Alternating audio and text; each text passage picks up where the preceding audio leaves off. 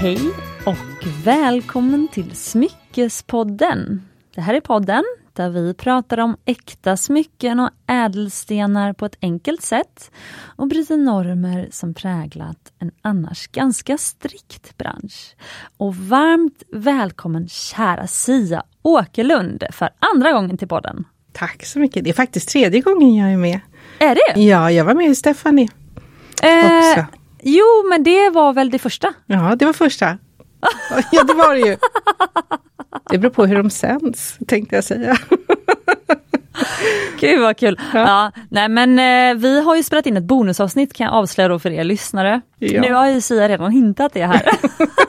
Sorry. nej det är jättebra. Men det kommer handla om syntetiska diamanter. Så efter att det här avsnittet sänds då tänkte jag att vi släpper avsnitt om syntetiska.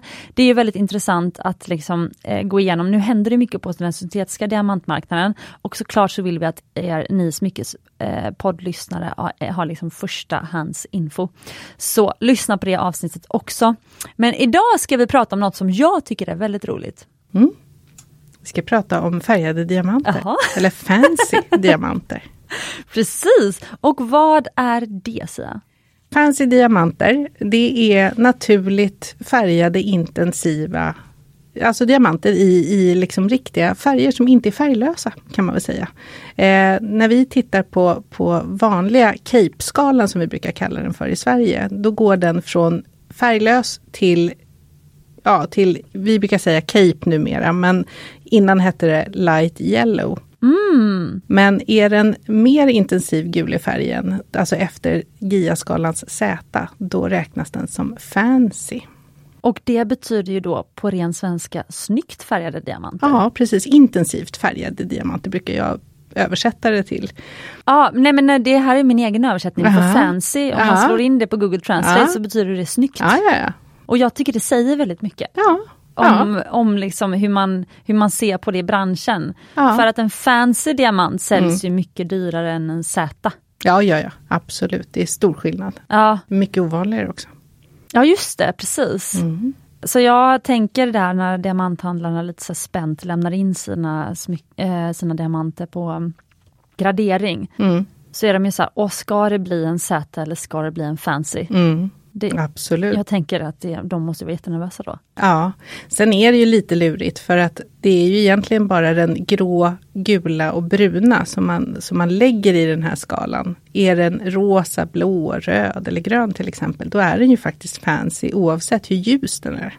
Ah, okay. Så att det är lite skillnad beroende på vilken färg det är från början. För brun, grå och gul, det går under samma liksom skala. Så den går från, om vi tittar på GIA-skalan så är det från D till Z. Och det räknar man då brun också och grå. Men alla andra blåa till exempel, då kan det ju vara faint eller very faint. Ja men det här är jättebra. Eh, för jag tänkte så här, för nya poddlyssnare som eh, inte har hunnit lyssna igenom alla avsnitt av Smyckespodden än, så kanske de hittar till det här avsnittet först. Eh, då tänkte jag att eh, du som den då gemolog du är, Mm.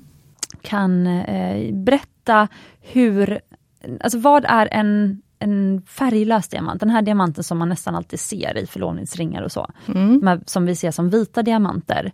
Eh, vad är det? Jo, det är ju så att när vi tittar på, på diamanter, då har ju vi då en, en skala som vi går efter. Och då är det från mycket sällsynt vit, skulle man säga. Det är det vi i Sverige kallar för river. Det är extremt ovanligt och väldigt, väldigt dyrt. Och den har ju då ingen form av kväve i sig. Och det är det som gör att den blir så vit och så ren. Och sen har den lite kväve i sig, då blir den lite, lite gulare. Och sen beroende då på hur mycket kväve det är så blir den mer och mer gul eller ibland brun. Men brun beror inte på kvävet utan det beror på andra saker som vi kommer gå in på lite längre fram. Eh, men då är det liksom avsaknaden av färg eller intensiteten på färg som vi tittar på. Så att då går den från på svenska skalan, skandinaviska diamantnomenklaturen som det så fint heter, går det från river och sen så går det ner till topp Wesselton och Wesselton. Och de brukar man säga är det som vi kallar för vita. Eller färglösa stenar. Okej, det här är jättebra för att ehm, det är lustigt att det är så snårigt med diamanter, men Mm. vi ska ju då eh, liksom rensa upp i det här snåret. Mm. För att du pratar om River, Top Wesselton och Wesselton. Mm. Eh, vad är det i relation till bokstäverna som man kanske har hört om? D, E, F? Precis, och då, det är ju så att, att från början innan internet kom, brukar jag väl så fint säga, så var det ju så att, att vi handlade ju oftast inom Skandinavien med diamanter. Och då kom man ju fram till den skandinaviska diamantnomenklaturen för att man, man ville kunna ringa till Danmark och säga att jag behöver en, en Wesselton till exempel. Och då skulle man få samma färg som man tyckte från början, alltså som jag hade hos mig, om man ska göra ett par örhängen till exempel. Och det här var ju problematiskt för att den skalan vi jobbade med i Skandinavien, det var ju inte samma skala som de satt med i Sydafrika. Eh, så att det kunde ju bli väldigt, väldigt förvirrande när man skulle beställa stenar och få det skickat till sig. För det kunde ju vara en helt annan färg. För diamanterna bryts i Sydafrika, inte i Norden. Nej, precis. Vi bryter ju inga diamanter här. Eh, utan det, de flesta som vi fick in kommer ju från Afrika. Eh, och då kunde det ju bli lite, lite olika färger eh, när vi försökte beställa. Och det var ju inte bara i Sverige som vi hade problem med det, utan det var ju även resten av världen. Så då samsades alla om att eh, till slut att GIA på 50-talet har jag för mig, så fick de sätta sin skala och det är den de flesta handlar efter idag. Finns fortfarande en Sibio-skala också som, som gäller. Eh, HRD till exempel, de graderar ju efter Sibio-skalan. Ja, det är en annan skala. Det är en annan skala. Det finns flera, det, det finns eh, en hel drös med olika skalor. Men, men i Sverige är det, det vi brukar se, det är skandinaviska diamantnomenklaturen eller SCAN-DN som vi kallar den för. Och GIA-skalan. Och tittar man på GIA-skalan då så de två översta DE, det är vad vi kallar river. Så det är en hög river eller en låg river. FG, det är Top Wesselton, det är sällsynt vit. Eh, och det är också hög eller låg. Och sen har vi Wesselton då som är en H. Mm. Och det finns bara H. Och sen har vi Top Crystal som är I och sen fortsätter det ner. Och de allra flesta diamantsmycken, Mm. nu säljer jag eh, diamantsmycken, Mm. och det som är standard som vita, det är ju de här Top Wesselton. Ja, Top Wesselton. Wesselton. Ja. Ja, och H. Ja. Så FG och H är ju det som de flesta väljer. ja. Och många väljer kanske Wesselton eh, om man eh, vill åt en större karatstorlek Mm. till exempel. Eh, och så går man ner lite i färg. Mm. Eh. Och historiskt sett om vi tittar på smycken generellt i, i, som har sålts i Sverige så har vi väldigt, väldigt hög kvalitet på våra diamanter. Och det är ju för att det är det våra återförsäljare har valt att köpa in. Mm. Så att eh, jag skulle säga att det har liksom Ja, alltså senaste kanske 20 åren så har, har kvaliteten på diamanterna minskat. Alltså att man, det är lite gulare och det är lite mer inneslutningar och så. Medan tittar man på smycken som är producerade från ja, jag skulle säga tidigt 80-tal och bakåt så är det oftast väldigt bra kvalitet på. Vad på intressant, diamanterna. det visste inte jag. Varför Mm. tror du att det har ändrats? Nej, jag tror att det, det är väl liksom att folk reser mer, man köper med sig, man köper utomlands ifrån där det inte är kanske riktigt samma krav. Eh, svenska Mm. juvelerare har väl liksom velat haft riktigt bra. Och man har kanske inte köpt lika mycket smycken i Sverige heller, utan när man väl då har köpt någonting så vill man ha bra kvalitet. Mm. Så att eh, jag tror att det är det i alla fall. Jätteintressant. Ja. Eh, ja, men det tyckte jag var en eh, bra genomgång och jag råkar ju, för jag har spelat in lite diamantavsnitt tidigare, när, nu var det ju, eh, många spelade in 2021, Mm. eh, men då pluggade jag på en del om just eh, eh, 4C och så. Mm. Alltså diamantens 4C. Och det var ju på 50-talet som du säger, det var 1953 som Robert Shipley, Mm. En kille, han grundade Gemological Institute of America, Mm. det som vi idag kallar GIA. Mm. Och nästan alla ni, alltså vi som köper, alltså ni poddlyssnare och vi som köper eh, diamanter, vi hamnar ju ofta vid GIA för Mm. att det, eh, det, det är ju de som säljer ehm, Alltså diamanter som är graderade där man får ett certifikat från GIA är ju de som är dyrast Mm. idag, för att de är ju mest välrenommerade i, Ja. i världen. Men eh, han grundade ju det för att han just ville att alla skulle använda samma system, Mm. samma bokstavssystem. Mm.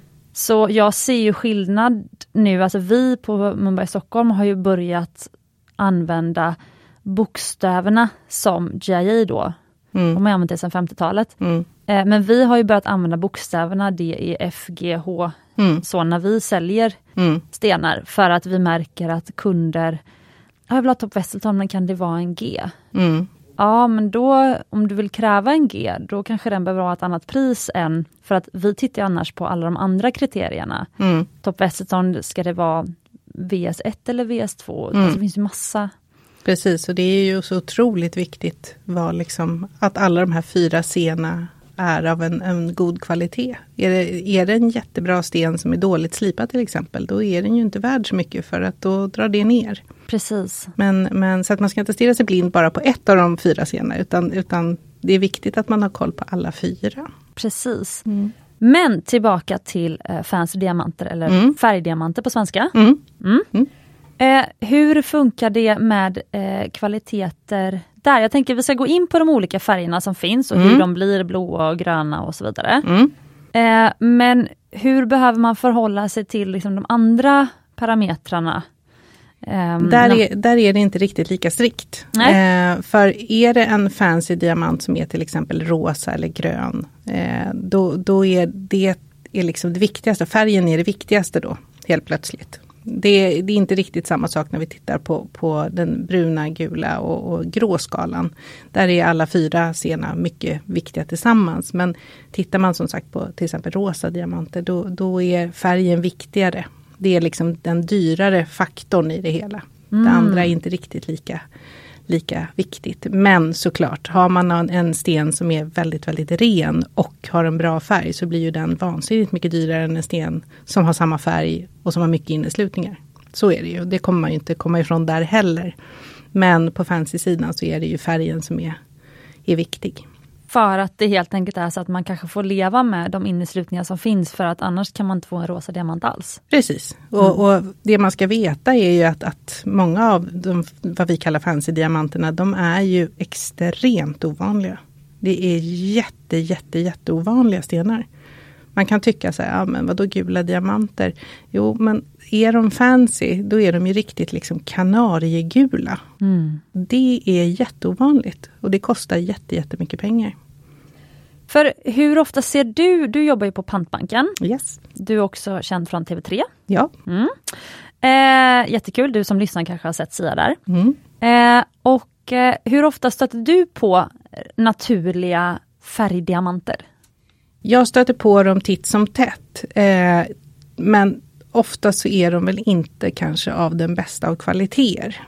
Eh, naturliga fancy diamanter ser vi inte jättemycket i, på svenska marknaden generellt. Det dyker upp absolut. Men det är väl ingenting man ser till dagligdags utan det är ju lite då och då. Och oftast de som jag får in då är det liksom ja, men natural fancy brown och, och den typen av, av fancy. Och de är inte riktigt lika dyra som om den hade varit rosa eller röd eller någon annan färg. För det är ju den typen av färg som jag är väldigt intresserad av. Mm, Jag har ju specialiserat mig på bruna diamanter. mm, Eh, och vi har ju tre olika bruna nyanser som vi använder. Som Mm. är, eh, jag kallar den champagne men är beige. mm, Eh, och sen så kallar jag den andra för choklad, den är lite mörkare. Och sen så Mm. mörk choklad är liksom mörkbrun. härligt. Ja, Mm. eller hur? Mm. Eh, traditionellt så har man ju kallat, alltså många äldre guldsmeder Mm, och som hållit på längre, Mm. de har ju som coffee-diamanter till exempel. Precis. Deras och bruna. det var ju, det kom ju faktiskt på 90-talet. Så Mhm. var det ju så att de bruna diamanterna de bröts ju i, i Australien. Eller den största delen av de bruna Jaha. diamanterna. De hade man i Australien. Eh, och eh, det var ju Argyle-gruvan. Nu har jag mitt Jaha. litet papper här. Ja det här är helt underbart, här är eh, Sias förteckning över färgerna. Ja, eh, ja, Argyle-gruvan stod ju för 90% av världens alla rosa diamanter. Men det mesta de fick upp var faktiskt grått och brunt. Mhm. Så att det mesta av de bruna diamanterna som fanns i världen tillverkades eller togs fram i Argyle-gruvan. Och den stängde ju ner nu Ja. för inte så länge sedan. Så att jag tror ju faktiskt att bruna diamanter det kommer säkert att kunna bli ganska dyrt. För det är inte alls lika, lika vanligt längre. Det är ju väldigt positivt för de Ja. som köpt bruna diamanter. Ja, och bruna diamanterna det var liksom, det var ju ganska otrendigt för länge, alltså när de började komma upp där på, på sent 70-tal, tidigt 80-tal. Eh, och på 90-talet så, satte de sig ner på Rio Tinto då som ägde Argyle-gruvan och var så här, vad ska vi göra? Vi måste ju kunna sälja de här liksom. Och då gjorde de en, en PR-kampanj där de döpte dem till, det var, det var konjak och det var champagne och det var coffee och det var chocolate, jag vet inte allt vad de hette. Och det tog faktiskt skruv. Jaha. Och helt plötsligt så började folk tycka om dem. Jag har alltid gillat bruna diamanter. Eh, jag har lite svårare när de drar i gulbrunt, men, men liksom intensivt bruna tycker jag är jätte, jättefina och väldigt underskattade. Ja men jag tycker att det är en konst att köpa in, det blir som att köpa in andra färgstenar. Mm.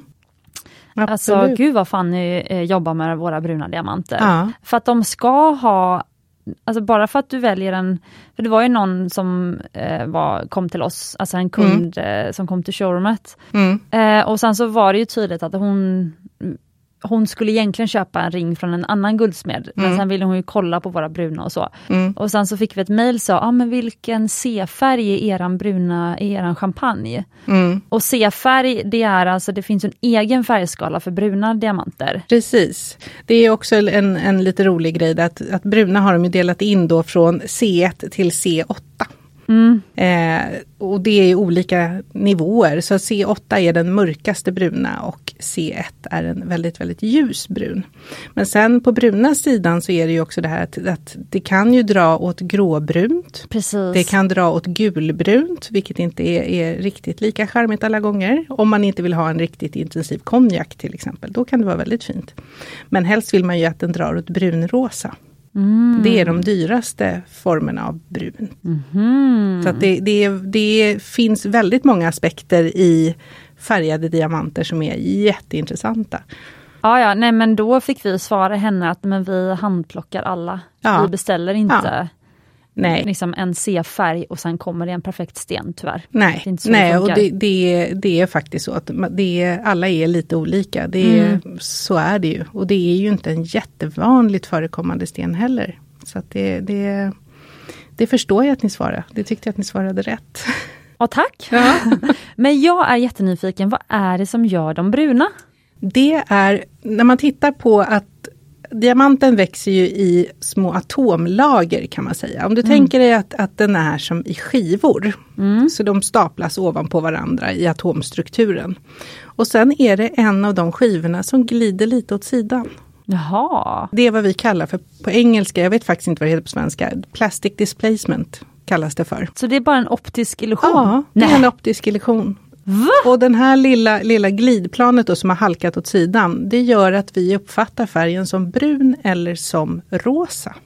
Gud vad knäppt! Så att rosa och bruna diamanter, de är, det är liksom som en liten defekt i atomgittret. Men det du som kväve tidigare? Ja, eh, det, det gör de gula. Det, Aha. då blir de gula. Då är det kväve som tillkommer då som, som en liten, ja, vad ska man säga, man, det är ju 100% kol men 99,999 och då är det den här lilla, lilla, lilla, lilla delen, det här lilla spårämnet som gör att den faktiskt ändrar färg. Men vad är det som gör att vissa får liksom en roströdbrun ton och några får liksom gråbrun och så Det, då, är, då är det en kombination. Mhm. Så att ofta är det, är de till exempel gulbruna, då är det ju en, en kombination av kväve och plastic displacement. Att det liksom, den har halkat åt sidan, det här lilla, lilla liksom, atomplanet. Mhm. Så det är det, plus att stenen i sig är gul då av kväven. Så att det, är- det är massa roliga saker som, som spelar in. Och om man då till exempel gör en behandling, som man gör ganska ofta på bruna diamanter, för att laga, liksom, då hoppar det här lilla atomplanet tillbaka och då blir faktiskt stenen färglös. Men du får Va? inte bort det gula, Nej, för det, så det gula blir kvar. det här var så komplicerat. Mm. Ehm, Men roligt. ja, verkligen. Men vad är det som gör att de blir sådär, för min favorit, jag har på mig en mörk chokladring Mm. här. Nu, du har ju för övrigt nästan mörk chokladbruna naglar ser jag nu. Ja, det har jag. Eh, men vad är det, då vill man ju liksom investera nu i de här mörka, mörka Mm. diamanterna. Mm. Eh, det är motsatsen till vad du förespår om syntetiska faktiskt. Mm. Eh, som du förespår kommer att ha en kälkbacke utför. Ja, ja det, det, det är inte lika hållbart. Ehm, en cliffhanger till Mm. måndagens Nästa. kortavsnitt. Ja. Eh, vet inte om det släpps nästa måndag eller om två veckor. Får se. Ehm, men vad är det som gör att de blir så intensivt bruna? Vet du, det är jag lite osäker på. Om det är Ja. så att det är liksom ett större glapp Mm. i atomstrukturen. Eh, tittar man på, på kväve till exempel så är det att det är mera kväveatomer i atomgittret. Så då är det liksom grupperingar, då är det fyra små, små liksom kväveatomer som sitter i atomgittret. Men vad det är som gör den intensiva bruna och intensiva rosa, det är jag faktiskt lite osäker på. Ja, Så det kan jag tyvärr inte svara på, men det kan jag nog försöka luska rätt på till nästa gång. det får du gärna göra. ja, ja. Eh, ja okej, vad spännande. Mm. Är de ofta behandlade? Eller är de naturligt bruna eller har de bestrålats eller värmebehandlats? Eller hur, hur fungerar det med Nej, de, de är ofta naturligt. Eftersom de har den här plastic displacement så börjar man liksom mixtra med värme och tryck på dem, då går de snarare tillbaka till att bli färglösa. Eller ljusgula eller ljusgrå om det är det som är Ah. grundfärgen. Okej. Så att det är inget, det är, alltså är de bruna då, då är de väldigt sällan bestrålade skulle jag säga. Det, det finns säkert varianter på det också men, men eh, de flesta är faktiskt naturliga. Mm. Men om vi går vidare till gråskalan. Mm. Det är väl också en ganska, för skulle du säga att bruna diamanter är den vanlig, en vanlig fancy skala? Den vanligaste är ju den gula. Okej. Det, det, är den vi liksom, det är den vi utgår från, det är det vi kallar Cape-skalan. Eh, men sen är ju bruna är väl, och grå är det nästföljande, så det är relativt vanligt, inte riktigt lika vanligt som det gula, men det, det är ändå en hyfsat vanligt förekommande färg. Men när du säger Cape-skalan, är det den vi tittade på nu? Cape-skalan är, är den vi brukar kalla från, från färglös till gul. Det är det Ja, som du är menar D till Z? Ja, D till Z. Ja, okej. Och det är ju, D till Z räknar man ju bruna också. Men Jaha. när vi säger Cape-skalan då är det ju egentligen den gula vi utgår ifrån. För det är det som det är uppbyggt för. Men man brukar räkna den bruna och den gråa i samma D till Z-skala också. Så man kan gradera dem som, som H om den har en brun tint. Men den här måste väl ändå, nu visar jag min mörka Den där är fancy skulle jag säga.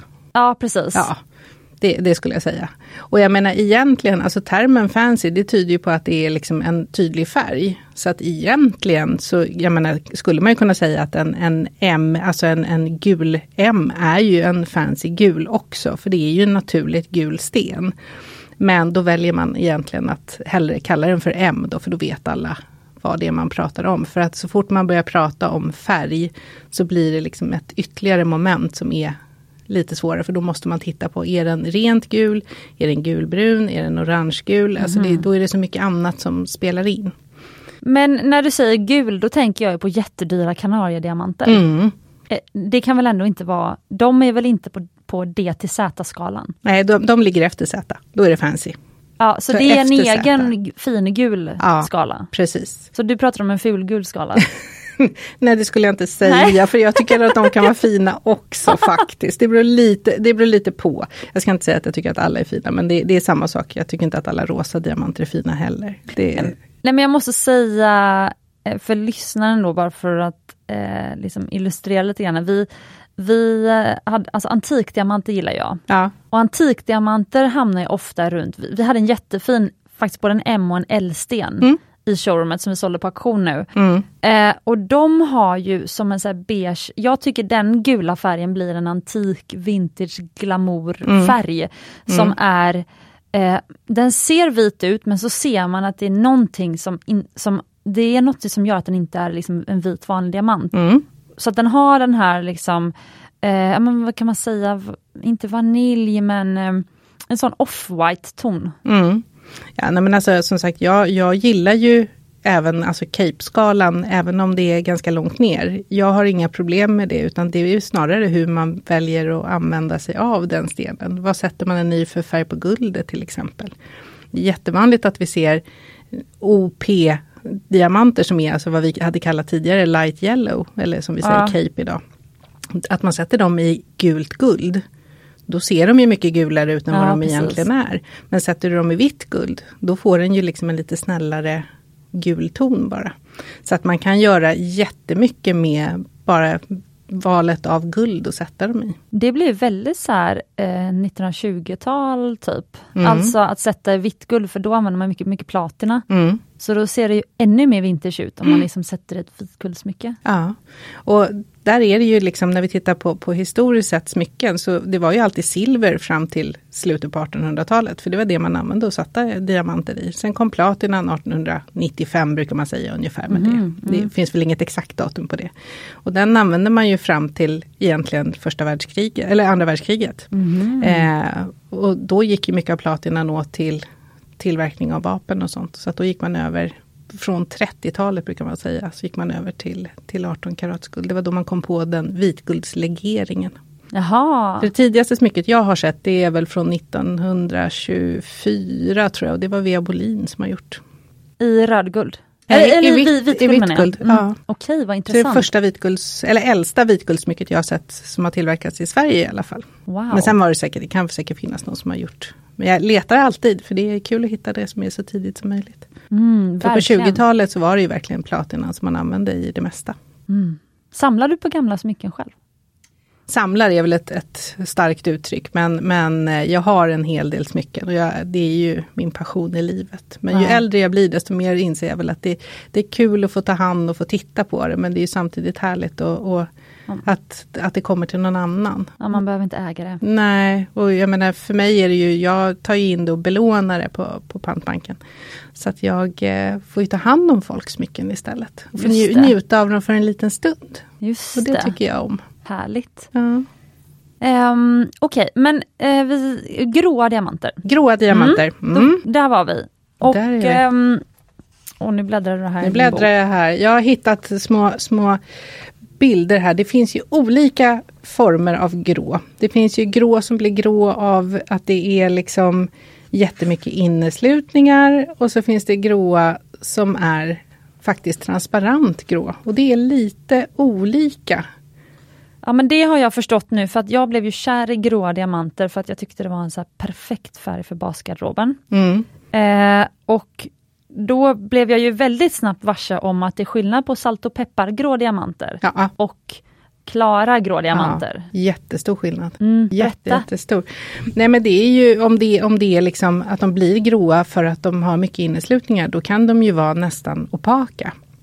Vi, vi träffades ju på, på Uppsala auktionskammare här på Mm. Smyckesfrukosten och de hade ju en fantastisk grå opak diamant. Som ska klubbas idag faktiskt. Eh, på över 8 karat. Och den var ju liksom helt jämngrå. Och det kanske inte ser så mycket ut för gemene man, men jag gillar ju sånt som den lilla nördiga är. Liksom. Var inte det en, eh, den såg ut, den var inte slipad, den, var, den såg ut som en nästan rådiamant. Ja, fast det är en, den var briljantslipad. Men i och med att den var liksom helt ogenomskinlig Ja. så, så ser man ju nästan inte det. Det ser ut som en, en lite glittrig månsten nästan.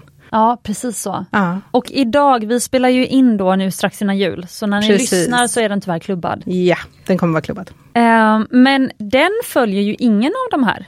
Den hade ju inte innes... Nej, det, det, den här lilla bilden som jag tog med mig, den hittade jag på internet här och jag tyckte att de hade, hade gjort så härliga beskrivningar av de olika nyanserna av grå. Det var Misty White och Clear Celestial. Det här Stormy är, Grey. Ja, det här är kanske inte en skala som alla går efter utan det här är ju ett företag bara som jag hittade på, på nätet. Men jag tyckte att det var väldigt härligt att se att det var Black Celestial. Nej men jag har en grej på det för att när jag nu, vi gör ju väldigt mycket one of kind smycken till auktion och så. Mm. Och jag har blivit så trött nu på att skriva Hot Pink Sapphire, Light Ah. Blue Sapphire. För jag blir så Ja. här, den här är ju inte samma light blue som förra light blue. Så Nej. nu har jag börjat kolla på eh, vad, du vet färgaffärer är ju grymma på att komma på eh, Ja. namn till, till...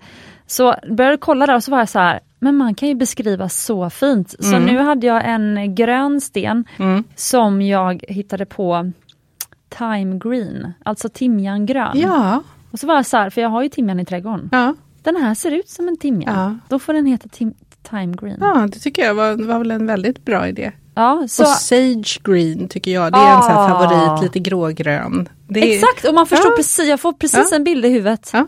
Så, eh, det, alltså, just när det gäller, gäller färgdiamanter så är det ju, man delar ju in det i liksom faint, light, eh, det, det är ju på den delen, så det är ju intensiteten på färgen egentligen. mm, Eh, Men, eh, och sen är det ju det att, jag menar säger man, Sage Green. Du och jag kanske har samma uppfattning om hur salvia ser ut. Men det är ju inte säkert att salvian ser likadan ut i Indien kanske. Jag, vet, jag vet inte, jag har inte testat och kolla. Men, men, så att det är väl därför det är lite problematiskt. Men det är något fint att man namnger. Ja, jag, ty jag tycker det också. Jag, jag har inga jätteproblem med det.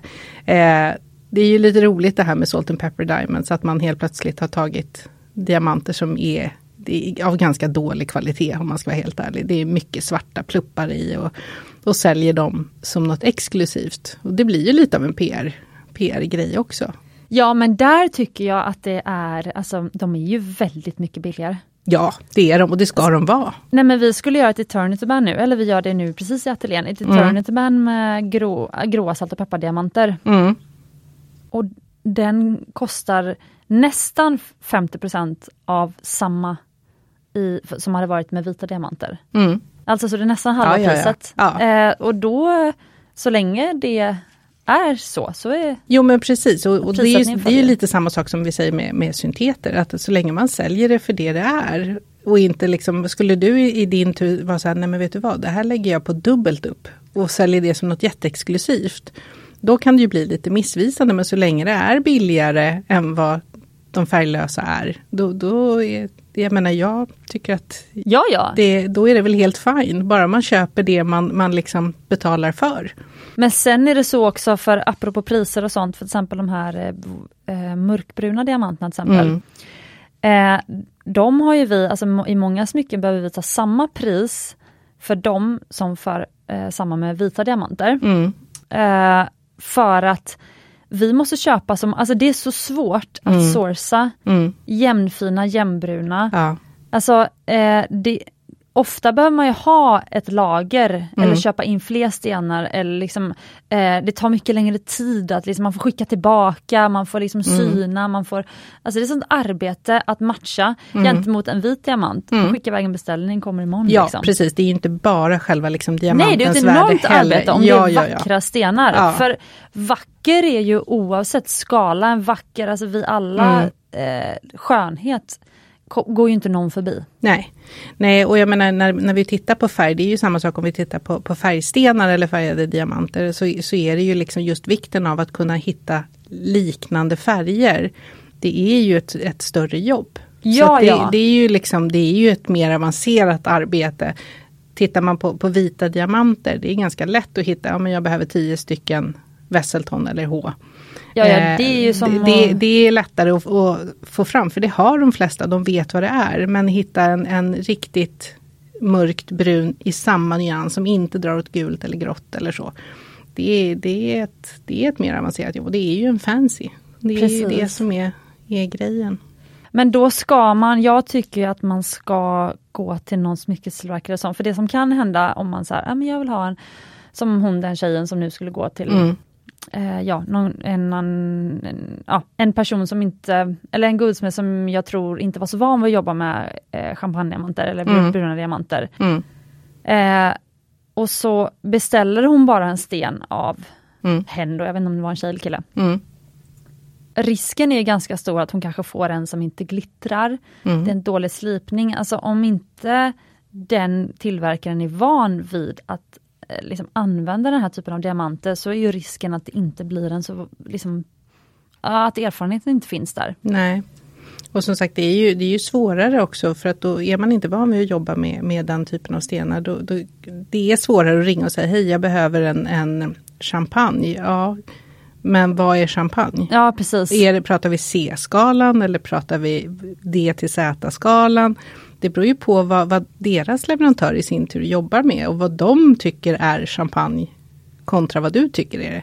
Jag menar, har man jobbat mycket med det, då vet man ju så här, men det är ju den här färgen jag behöver. Det kanske inte är lika lätt för någon som inte är van vid det. Och då kan det ju vara att man får en med jättemycket inneslutningar som visst, den är väl lite champagnefärgad, men den ser mer gul ut mm, än vad den precis. är brun. Men det är det, det som är kul med färgstenar. Ja, det är, det är ju det som är tjusningen. Exakt. Tycker jag. Jag är, jag är ju en, en färgstenstjej, det ska ah. jag väl inte sticka under stol med. Diamanter är ju inte särskilt kul om det inte är färg. Eller roliga inneslutningar. Eh, nej jag. men jag förstår det. Eh, det är ju ett, eh, ett hantverk det här ja. med att eh, sourca bra färgstenar. Ja, jo, men det, det är fantastiskt. Men vad är det som gör den gråa färgen om det inte är inneslutningar utan det är en, en klar grå diamant? Om det är en klar grå diamant, det är faktiskt ganska ny information. Det här lärde jag mig mm. bara för några månader sedan. De har lyckats komma på att det är ett lågt innehåll av bor. Mm. Och grundämnet bor är ju normalt sett det som gör diamanterna blå. Men är det ett lågt borinnehåll och sen i en kombination av den här plastic displacement när liksom själva atomplanet har glidit lite på sniskan. Då blir de grå. Gud vad intressant. Och det är som sagt, det fick jag reda på här nu i våras. Så det är ganska ny, ny information. Man har inte riktigt vetat alltid vad, vad det är som orsakat det. Mm. För, Men det finns ju några riktigt härliga gråa diamanter. Jag har tagit ja, med bilder till det här, de här. också. Nej, så, det, kan, så kan lyssnarna googla. Ja precis. Det, det, den ena som jag har en bild på här det är från Mosaief. Den är på 11,07 karat och den är Natural Fancy Dark Grey VVS1 och den är alltså helt transparent mörkgrå.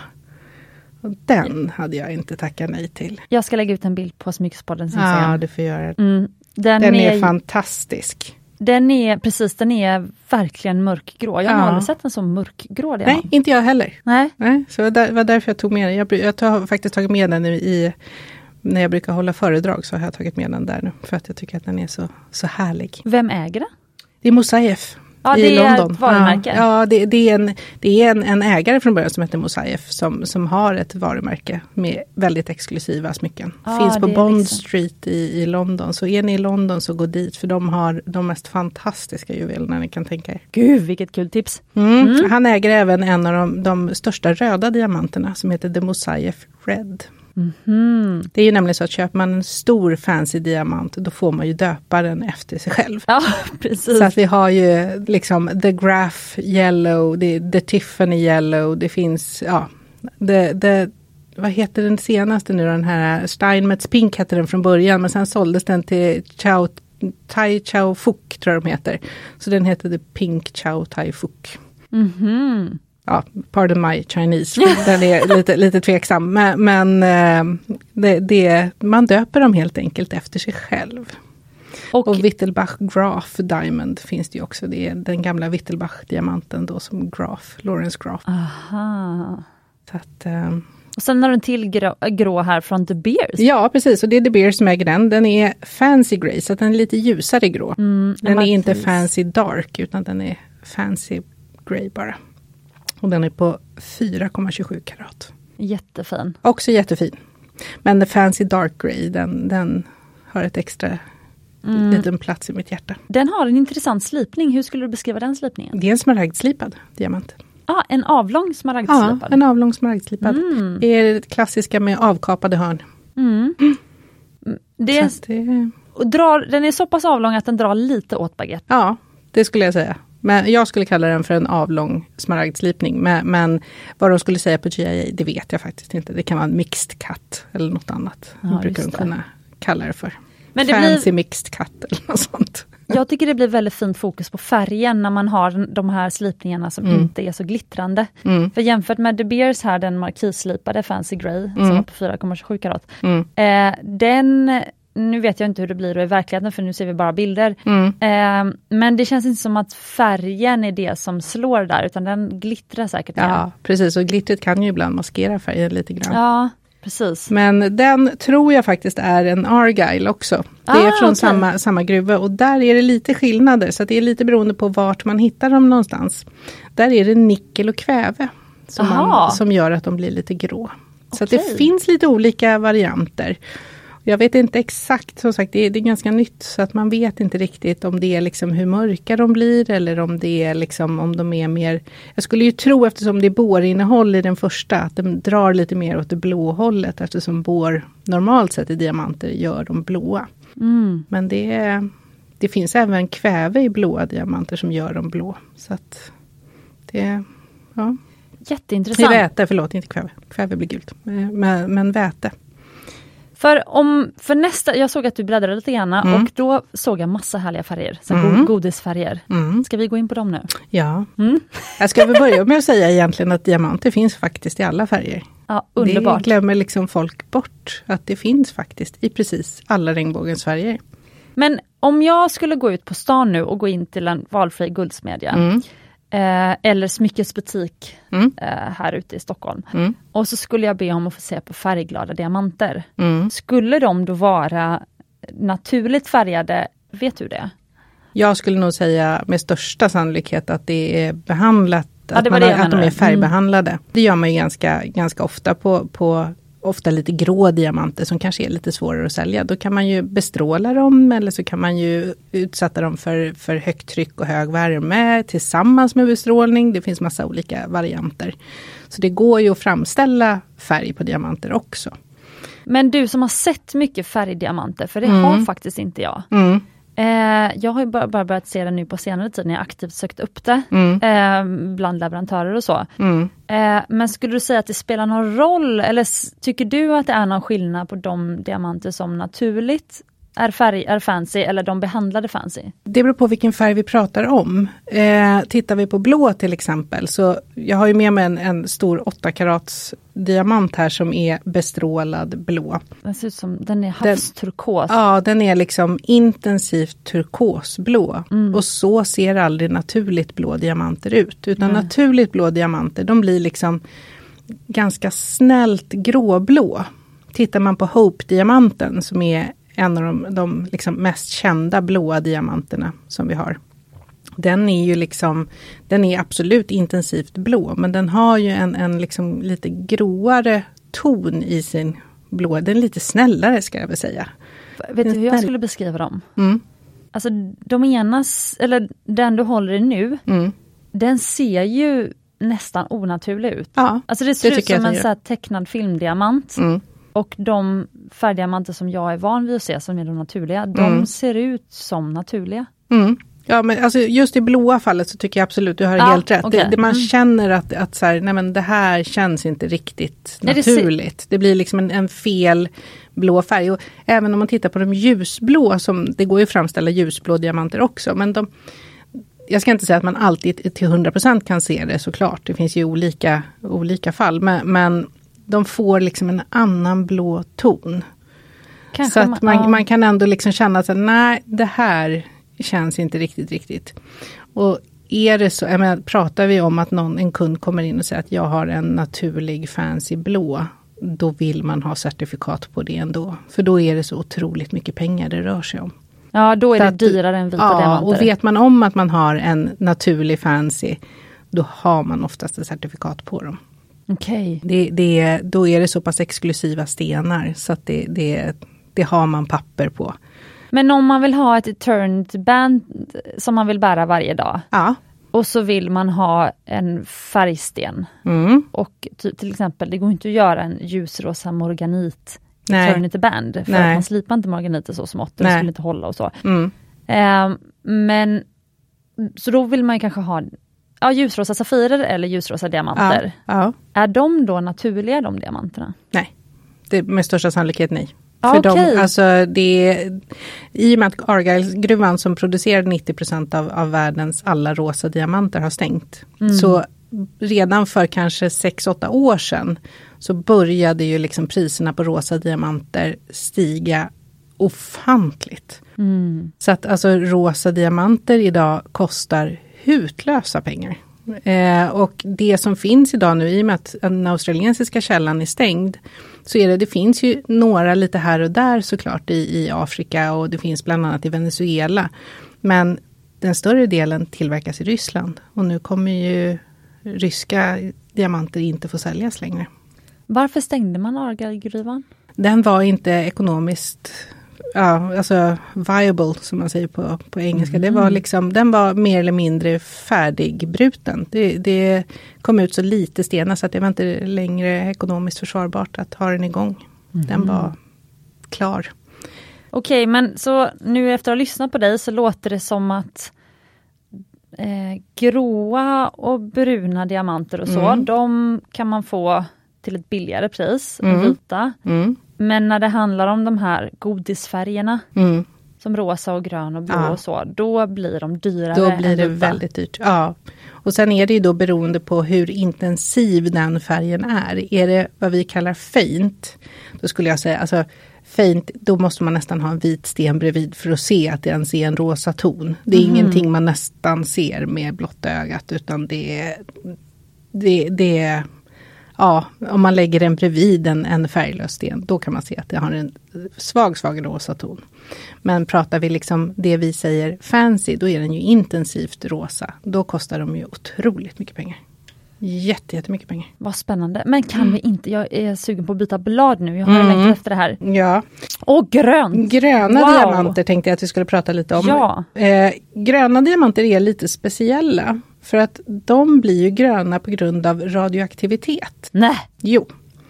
Och har ju därför historiskt sett inte kanske haft den liksom bästa ryktet. För att man hittade en fin grön diamant och så hade man den på sig och sen så fick man cancer och dog. Och det var för att den fortfarande var radioaktiv. Skämtar du? Nej. Eh, idag när man hittar liksom gröna diamanter, då ser man ju till, för att vi kollar ju med, vi vet ju att de är radioaktiva, så då kollar man ju med en, en gagameter att de inte är radioaktiva innan de kommer ut på marknaden. Men det funkade ju inte riktigt så på 1700-talet. Eh, och det som gör, det blir liksom att den här bestrålningen går in och puttar bort en liten atom. Och det blir en hålighet, så det är lite samma sak som det här plastic displacement, fast det blir som små hål i atomgittret. Och det uppfattar våra ögon som grönt. Plötsligt känns ju inte grön diamant så trevligt. Jo, de är jättetrevliga. Men problematiken där, det är att det är jätte, jättesvårt för oss att se om det här är gjort i jorden. För det är ju samma typ av strålning man använder, Jaha. eller ovanför jorden. Så att i gröna diamanters fall så är, får man nästan utgå från att allting är bestrålat ovan jord.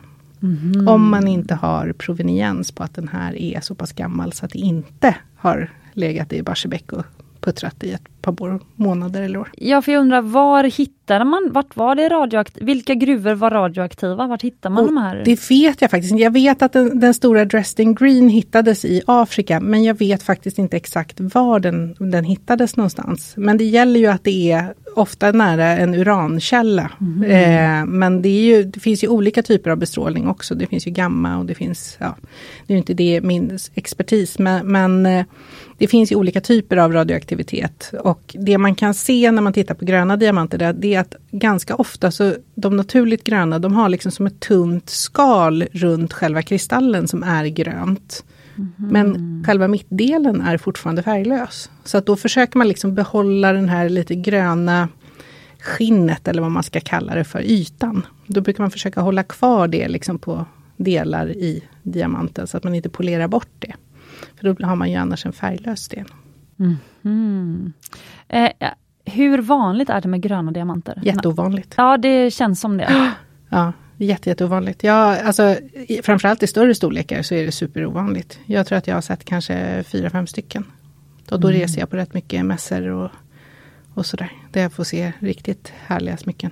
Mm. Så det är väldigt, väldigt, väldigt ovanligt. En av de snyggaste ringarna jag har faktiskt sett med färgade eller med fancy diamanter. Den, den var en stor grön i mitten och sen så var det naturligt rosa, intensivt rosa i, som en liten karmosering runt. Oj. För att mm. nyanserna här är ju både så här ganska härligt mörkt turmalingrönt till liksom är det krysopraserna limegul grön? Ja, ja, det finns ju olika och jag menar de kan ju som sagt, det är precis som, som de bruna, det kan ju dra åt gult, det kan dra åt lite, ja olika, olika håll. Men är den, där skulle jag väl säga, är den intensivt gulgrön, eh, alltså nästan så här stickigt, då är den ju med största sannolikhet inte en grön diamant från början, utan då är det ju en, en HPHT-behandlad sten. Ja det är det, för jag vill ju säga att man nästan ser på stenarna om de är artificiella. Ja, ibland gör man det. Ja, de, ibland. De, gul, de gula, de gröna tycker jag också är, det är liksom, de är väldigt klart liksom artificiella, vissa av dem.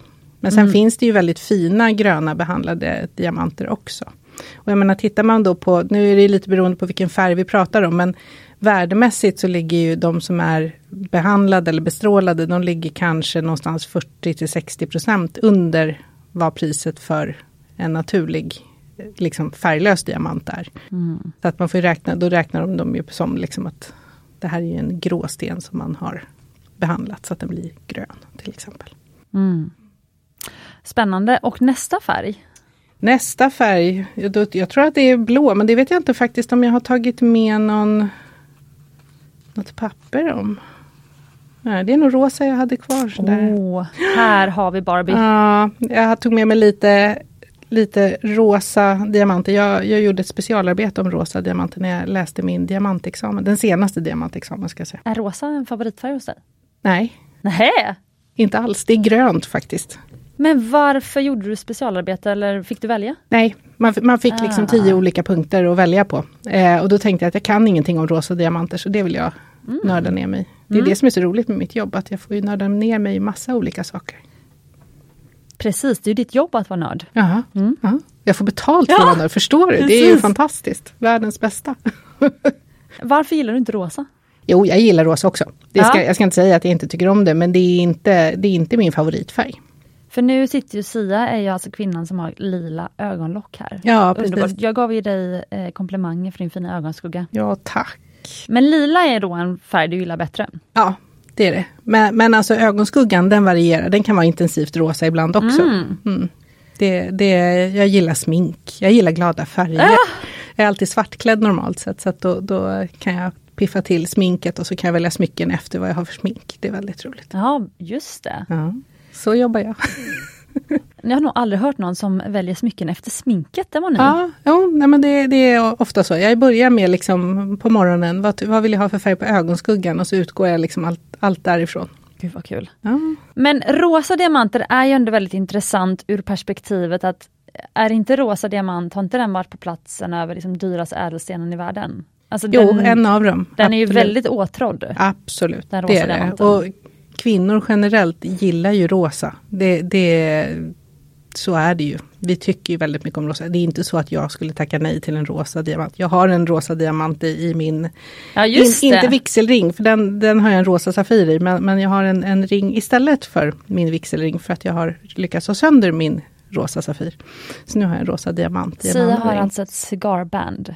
Man kan googla på det. En cigarband-ring eh, på Ja. ringfingret med en som ser ut som en ros som hon har fattat in en rosa diamant i. Jättefint. Ja.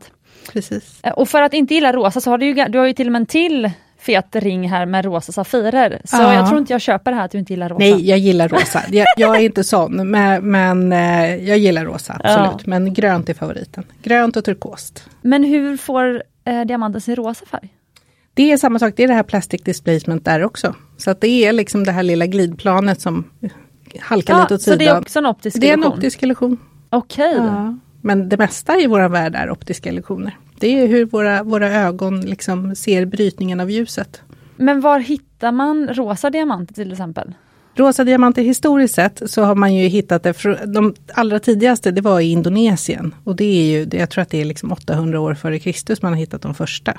Sen var ju Golconda ett stort diamantcentrum i Indien. Och det var där alla diamanter kom ifrån. Ända fram till egentligen 1700-talet när man hittade diamanter i Brasilien. Och där fanns det också rosa diamanter. Nu tror ju många att Golconda är en fysisk plats där man bröt diamanter, men så är det inte, utan det var liksom ett trading center som vi kallar det för. Det är liksom en, en samlingsplats där man sålde diamanter. Så det är ju bergen runt om i Indien som man hittade dem. Men Golconda-diamanterna som är rosa är lite speciella för det är en typ 2-diamant. Så det är alltså en väldigt, väldigt ren diamant. Alltså inga spår av kväve eller något annat i. Som sen har då blivit med om den här lilla förskjutningen som gör att den, den liksom får sin rosa färg. Och de är otroligt fina och jätteeftertraktade. Så då kallar man dem för Golconda Diamonds och Golconda Pinks. Så hittar man det då är det extra extra. Det är väldigt, väldigt fint. Men är det ovanligt med rosa diamanter? För ja, Ja. Det jag ser nu är att du har ju tagit med dig bilder på ringar som, och Mm. örhängen som har pavé-infattade diamanter. Mm. Så de är ju väldigt, väldigt små. Ja, man brukar säga det, när, när jag gjorde min studie om, om rosa diamanter så sa man det att hela världens diamantproduktion av rosa diamanter för ett år kunde få plats i en handflata. Va? Ja. Så hur har man då gjort de här? Jo, men det är många små diamanter så att det vanligaste vi ser i rosa diamanter det är ju smått. Det är ju 001-or. Ja, ah, det är det. Ja, den, här- den här ringen som jag har på bilden här, den har vi faktiskt på jobbet eh, till försäljning. Och det är ju 001 och 002. Men är det naturligt rosa? Det är naturligt rosa. Från Hur kommer det sig att de finns i så smått då? Jo men det, det är småkristaller hittar de ganska mycket men det är ju de stora som är väldigt, väldigt, väldigt ovanliga. Mm. Så att det är ju lättare för dem att hitta små kristaller. Och det är, så är det ju med vita stenar också. Att det, det är lättare att hitta små kristaller från början och göra små diamanter av. Eller små briljanter. Men de vi pratade om nyss, du sa att de var nästan alltid eh, bestrålade. Mm. Om man gjorde ett eternity Ja, ja. Det, i, idag är det så att de flesta är det. För eftersom Argyle-gruvan har... Jaha, så okej. Okej, så, så då har Så ju det de... har funnits innan, absolut. Det har det funnits. Men idag så skulle jag säga då skulle man få betala hutlösa pengar om man skulle ha naturligt rosa diamanter. Ja, men jag eh, kan eh, intyga det för att eh, Mm. vi ville göra ett eternity band. Jag kommer inte ihåg om det var en kund som Mm. ville det och så fick vi förslag på Mm. rosa diamanter. Mm. Och de kostade 17 gånger mer Mm. än samma i vita diamanter. Ja, det tycker jag låter ganska billigt faktiskt. Asså? Ja. Jag hittade, nu kommer jag inte ihåg exakt, så ni, det här får ni ta med en liten mellan tummen och pekfingret. Men, men jag träffade en kompis till mig som, som hon är, bor i Australien och jobbar med rosa diamanter bland annat. Och hon sa det att hon hade hittat den största diamanten hon hade sett senaste tiden var på 0,25 karat och det är ju inte jättestort. Och den var markisslipad och hade väldigt mycket inneslutningar. Och den tror jag att de hade satt ett värde på nästan 500 000 på. Nej, Jo. jösses. Hon sa det att det är liksom över 0,05 tror jag det är. Då finns det liksom, då är det fri prissättning idag. För att det är så ovanligt. Ja, Så att det är liksom, det är sellers market ja, just nu. häftigt. Ja, så att det är, alltså diamantpriserna på de rosa har ju verkligen skenat. Men och vi där- vet ju inte, det, det finns liksom inte så mycket att få tag på på marknaden. Det finns inga säkra källor längre. Det är Lomonosov uppe i Ryssland då, som, som producerar rosa, men de är det är en annan rosa färg. De är inte riktigt lika klart rosa, utan de är lite mer lavendel, eh, lila, rosa, Ja. skulle jag vilja säga. Så det är inte riktigt samma, samma stuns i dem som det var i Argyle. Finns det röda diamanter? Ja, och det Jaha. var också i Argyle. Oj! Mm. Det, är, det är den absolut, alltså orange och rött är den absolut ovanligaste färgen på naturliga diamanter. Mhm. Eh, så att det, jag, jag tror att man hittar liksom ett par om året. Ja, okej. Det är så ovanligt. Orange vet vi inte exakt till och med vad det är som gör att den blir orange. För vi, det, det, liksom, det finns inte tillräckligt många intensivt orangea. Gud vad spännande. Gulorangea finns det en hel del. Men, men eh, intensivt klart orangea det är jätte, jätteovanligt. Och hur är det med lila? Lila det är också Argyle som hade dem. De är intensivt purpur. Så att det, det var deras liksom special tenders kallas det för. Då hade de liksom som en specialaktion då varje år. Där de sålde sina fina största diamanter. Och den sista tendern gick väl här för något år sedan. Det var ju astronomiska priser. Ja. Vem äger Argyle-gruvan? Det är Rio Tinto heter de. Ja, ja, det är privat. Ja, det, eller det är ett företag som äger. Ja. Eh, de äger halva delen av Ekate-gruvan i, i, eh, uppe i Kanada också. Så att de, de fortsätter ju jobba med diamanter. Och de äger väl någonting nere i Afrika nu har jag för mig. Men det var de som ägde, ägde hela gruvan. Mm. Är det någon färg som vi har missat? Det har vi säkert. Mm. Nu har vi pratat lite rött, vi har pratat lite lila, gult, brunt, grönt. Kanariegul har vi inte pratat om. Kanariegula, ja det är ju typ 1B-diamanter kallar vi dem för. Det är ju Cape-skalan också men där har liksom atomerna grupperat sig i små grupper istället för i små par. Och blir, det blir liksom ännu intensivare så det är högre mängd med kväve i dem. För apropå den här smyckesfrukosten vi var på, Mm. på Uppsala auktionsverk, Mm. eh, eller Uppsala auktionskammare. Mm. Då blev jag ju kär i en faktiskt 3 karat gul, Mm. jag tror det var en platinaring Mm. med vita diamanter, en gammal en. Eh, och det, den gula är en sån här smörgul, citrongul, det är Mm. liksom, den är inte smutsigt gul. Nej, nej. Det är en väldigt så fin gul färg. Ja. Eh, men vad är det som gör att de får den fina gula? Ja men det är väl också, jag kan tänka mig att det har med andra spårämnen att göra. Jag vet att det är mängden kväve men sen exakt vilken ton, det beror lite på alltså drar den åt brunt då är det kanske lite den här plastic displacement också. Att, mm. att det är liksom ett plan som har halkat lite snett. Är det lite grått då kan det ju vara något annat som har kommit in. Man vet inte riktigt allting än så länge med när det gäller färgerna. Som sagt det här med gråa diamanterna det är ju väldigt rykande färsk information. Att Argyle, att, att de har annorlunda atomer än vad andra har. Mm. Så det, det, är ju fortfarande ett ämne som vi vet ganska lite om eftersom det är så otroligt ovanligt. Så det, man har inte kunnat studera tillräckligt många exempel. Precis. Sen kom jag på en till, nu blir det lite längre avsnitt, men eh, jag tänker att eh, eh det här är bara roligt och eh, nu på vintern så behöver man ju gå i då kvällarna är långa. Ja. Så då kan man eh, lyssna extra långa avsnitt av Smyckespodden. För jag kom på, vi kan ju inte avsluta utan att ha pratat om svarta diamanter. Ja. Det är ju viktigt. Svarta diamanter, eh, det är ju inneslutningar. Mm. Det är ja. det som gör att de blir svarta. Eh, det är liksom, de har väldigt, väldigt mycket inneslutningar. Och svarta diamanter är lätta att förväxla med svarta moisaniter. Mm. Och moisaniten, för er som inte vet det, det är ju en syntetisk sten som man har gjort som en imitation på diamanter. De finns ju oftast i färglöst. Mm. Så det, det vanligaste att man ser det är ju färglösa moisaniter som då imiterar diamanter. Men det finns även svarta moisaniter. Och svarta diamanter är inte alltid lika lätt att köra i en diamanttestare. För man behöver egentligen någonting som kallas för en reflektometer. Mm. Där man liksom studsar ljuset mot ytan istället för att det ska gå in i stenen. Eh, och det är väl kanske inte så många som har. Jag har faktiskt ingen sån för att jag jobbar så lite med svarta diamanter. Så jag tycker inte att det är riktigt värt att lägga de pengarna på att skaffa ett sånt instrument för mig. Eh, de svarta diamanterna jag ser det är oftast väldigt små diamanter. Men jag som köper mycket svarta diamanter och använder ja. det mycket som detaljer i mina mm. smycken. Eh, jag tycker svarta diamanter skapar ett väldigt fint djup, alltså man använder mm. det som, som detalj så. Mm. Eh, men det som är viktigt att veta med svarta diamanter är att de har inga gnister alls. Nej. Så skulle du sätta en svart diamant som så centerpiece i, din, mm. i ditt smycke, mm. då kommer det se ut som en onyx eller alltså, eller ja. som svart spinell finns det också, det går inte se ja. skillnad på dem för att alla är bara svarta, liksom ja. täta. Ja och svarta spinellen är ju, den gnistrar ju också väldigt väldigt fint om den är nyslipad. Ja, gör den? Ja, den, den är jätte, jättefin. Den gnistrar inte riktigt lika bra som diamanten, men den gnistrar väldigt fint. Så ofta kan man se liksom svarta spineller i, om man tänker sig som, som kulor, kan man köpa dem som är facetterade. Så det gnistrar jättefint. Jaha. Men de, är ju inte, de håller ju inte riktigt lika bra som svarta diamanter. Svarta diamanter, det, det är ju fortfarande väldigt, väldigt hårt. Så att de håller ju bättre. Medan spinellerna blir slitna på ett annat sätt.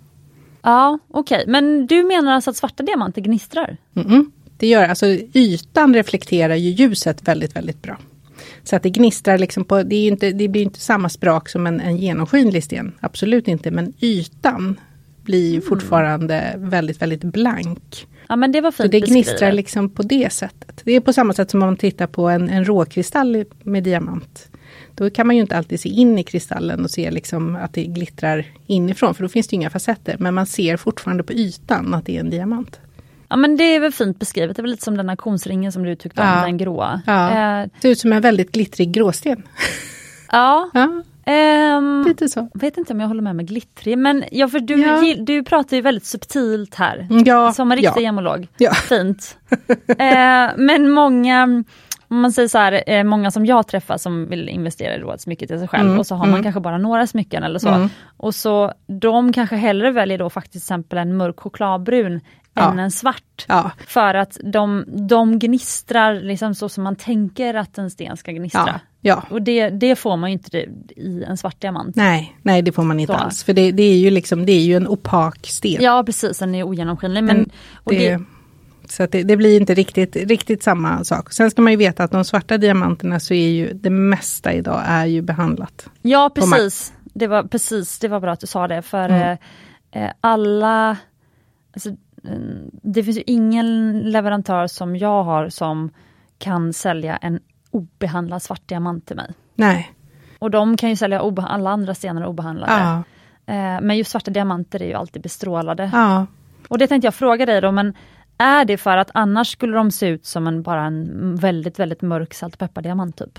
Ja, alltså det, det, är ju, det är ju så vi ser, och det, så säger vi även om skiljer till exempel svart moisanit mot svart diamant. Om jag tittar på en svart moisanit, då är den liksom helt opakt svart hur jag än gör. Sätter jag jättestarkt ljus ute på kanten så är den fortfarande svart. Mhm. Men en diamant, då kan man ändå, om man har en stark ficklampa och sätter den under, då kan, ute i kanten, då kan man liksom se igenom lite grann. Då kan man jag se göra. att det är liksom, ofta när de är bestrålade så blir de lite mörkgröna. Jaha. Men man kan ändå se att ljuset faktiskt går in i scenen. Medan de svarta moisaniterna gör inte det. Gud vad kul, det ska jag testa. Men annars är svarta moisaniten är ju, de är ju väldigt, väldigt, väldigt lika. Och de är nästan Ah. lite för perfekta. Det är, det är nästan det lättaste sättet att ta dem på. För att i och med att det är inneslutningar som gör diamanterna svarta så är det oftast, det är ganska vanligt att man har små gropar eller att man ser att det liksom inte är helt hundraprocentigt jämn färg. Det kan vara liksom små skiftningar i stenen. Vilket jag tycker att det ger stenen lite mer liv. Men eh, ser man inte det, då, då är det ett tecken på att det kan vara en svart moisanit. Men vilka smycken, nu är det här verkligen sista frågan, men Mm. jag ser aldrig moisaniter. Vilka smycken ser du moisaniter i? Ja, jag har faktiskt en, eh, två, Ah, två moisaniter framför titta. mig här. Jag, jag ser dem ganska ofta. För, alltså som folk äger och lämnar in? Ja, Jaha. ja eh, och tyvärr är det ju så att folk inte alltid har köpt dem som moisaniter utan att de kan ha köpt dem som diamant. Nej! Jo. För färglösa moisaniter, om man har en vanlig klassisk hedlig diamantpenna som vi använde förr, och det är ju, det är ju liksom en, en värmepenna. Den tar ju inte moisaniter. Va? Så att är man utomlands och någon är illvillig och vill tjäna massa pengar, då är det ganska vanligt att de säger, ja men titta, titta, det här är en diamant. Och så köper man den för massa pengar och sen så kommer man hem och så är det en. Nej. Vad, vad belånar ni det? Vad blir värdet? Nej, det är inget, ingenting. Det är Nej, en det är syntetisk noll. sten där Mm. också. Ah, oj, oj, oj, oj, oj. Mm, men vi gör, ju, vi gör ju fel ibland också. Så att eh, de här som jag har här, det, det är en svart moisanit och en färglös moisanit i en ring. De har vi, har vi belånat för länge sedan. Som svart diamant och nu är svarta diamanter. Alltså ni gjorde fel? Ja, Nej men gud! För den här, det är alltså en smaragdslipad då vit diamant, fast det är ingen diamant, det är en moisanit. nej. Men eh, den värderar ni ju rätt högt då. Ja. Den är ju rätt, det måste ju vara två, två karat. Ja, en och en halv tror jag, någonting sånt. Ja. Men eh, ja, absolut. Det blev en dyrköpt läxa för oss. Men vi gör ju tyvärr, alltså Hur upptäckte ni det? det var jag som upptäckte. Nej! Jo, tyvärr. Men moisaniten är ju så pass bra att den är ju dubbelbrytande. Så att när jag tittar ner i den från, från medluppen ner i stenen, då kan jag se att de bakre facettkanterna blir som dubblerade. Det blir liksom två av allting. Det är inte jättelätt att se om man inte vet vad man letar efter. Men det är det bästa sättet faktiskt att, att kolla en moisanit mot en diamant. För diamanter, tittar man ner i en diamant med lupp, då är den alltid spikraka facettkanter. Oj, oj, oj, oj, oj, gud vad intressant. Ja. Ja, det här rafflande informationen får avsluta det här jättespännande avsnittet. Jag har lärt mig massa om färgdiamanter. Vad kul! Mycket Aha, mer än jag kunde ana innan. Wow! Vad roligt! Ja, jättekul. Finns det någonting du tycker att eh, lyssnarna borde veta om färgdiamanter som vi inte pratat om? Nej, det är väl egentligen bara att de, det är otroligt ovanligt och därför blir det väldigt, väldigt, väldigt dyrt. Så att eh, är det någon som försöker sälja på er någonting som är, verkar vara ett väldigt, väldigt bra pris, då ska man vara lite lyhörd och skeptisk, tycker jag. Jättebra. Ett råd som aldrig går ur tiden. Ja. Kan alltid återupprepas. Men tack snälla Sia för att du tog dig tid i ditt schema att komma hit. Ingen fara, jag kommer så gärna tillbaka. Ja, jättekul. Och eh, det kommer som sagt komma ett till avsnitt med Sia där vi eh, pratar om syntetiska diamanter. Och där uppdaterar vi er om vad som händer just nu kring den marknaden. Något som faktiskt Sia tycker är spännande, så missa inte det avsnittet. Och eh, glöm inte nu du som lyssnar att eh, berätta om Smyckespodden för dina nära och kära. Eh, ge jättegärna en rating i din poddspelare. Det är så roligt och motiverande för alla oss som är med och som spelar in Smyckespodden och gör att vi kan fortsätta. Eh, Sia, berätta hur kan man kontakta dig om man eh, som lyssnare nu känner att man har smycken hemma eller man vill ställa frågor om färgstenar till exempel? Ja, jag finns ju på Pantbanken Östermalm uppe på Storgatan på Östermalm i Stockholm. Eh, och det är bara att komma in i butiken så är jag oftast där och frågar efter, efter mig. Och är jag inte där så kan ni alltid höra av er till Cecilia om ni har några frågor så kan hon skicka det vidare till mig. Just Men det. oftast är jag på plats så att det är bara att komma förbi och säga hej. Jättekul och då kan man ta med sig lite smycken om man vill att du ska titta på dem. Absolut, Ja. det kan man göra. Det Kul. kan man göra. Och eh, ni kan också jättegärna såklart höra av er till Smyckespoddens Instagram. Precis som Sia sa, där heter vi Smyckespodden. Och med de orden så önskar vi er en riktigt härlig dag. Och glöm inte att du är värd äkta smycken och ädla stenar.